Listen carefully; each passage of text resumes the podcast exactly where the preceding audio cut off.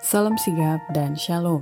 Renungan kita pada hari ini, Sabtu 16 Desember 2023, berjudul Kita akan bersuka cita atas kedatangannya.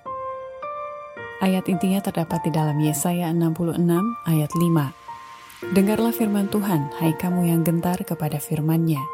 Saudara-saudaramu yang membenci kamu, yang mengucilkan kamu oleh karena kamu menghormati namaku, telah berkata, Baiklah Tuhan menyatakan kemuliaannya supaya kami melihat sukacitamu, tetapi mereka sendirilah yang mendapat malu.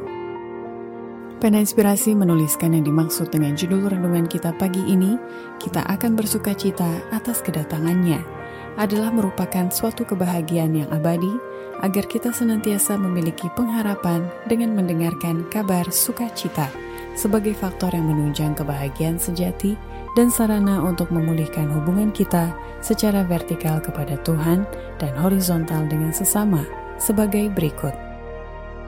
Pertama, alasan kita akan bersuka cita atas kedatangannya karena sekalipun setan menyaru seperti Yesus Kristus, tetapi umat Tuhan tidak bisa tertipu lagi oleh setan karena umat Tuhan bisa membedakan dan mengenali suara asli Tuhan Yesus.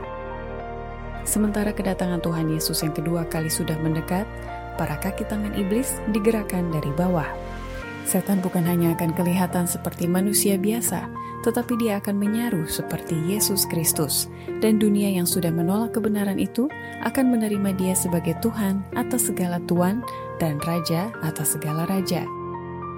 Kedua, alasan kita akan bersuka cita atas kedatangannya karena peristiwa itu ditandai dengan datangnya hujan akhir yang akan segera tiba untuk menyempurnakan benih dan mematangkan panen dunia ini.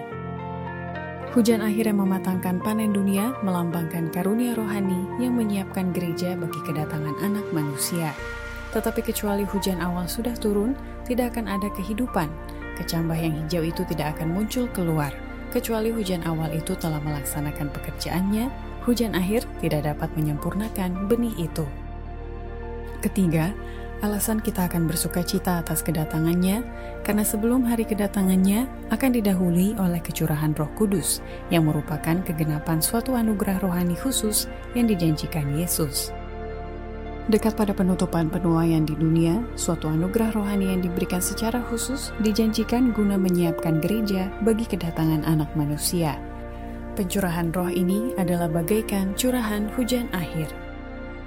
Keempat, Alasan kita akan bersuka cita atas kedatangannya, karena sesudah pintu kasihan tertutup, semua orang sudah membuat keputusan nasib kekalnya dan tidak ada kesempatan lagi untuk beroleh keselamatan. Tidak akan ada lagi pintu kasihan sesudah kedatangan Tuhan. Mereka yang mengatakan bahwa akan ada lagi adalah orang-orang yang tertipu dan tersesat.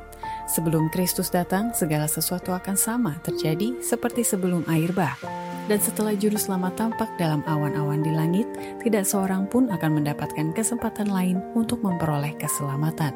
Semua orang sudah membuat keputusannya.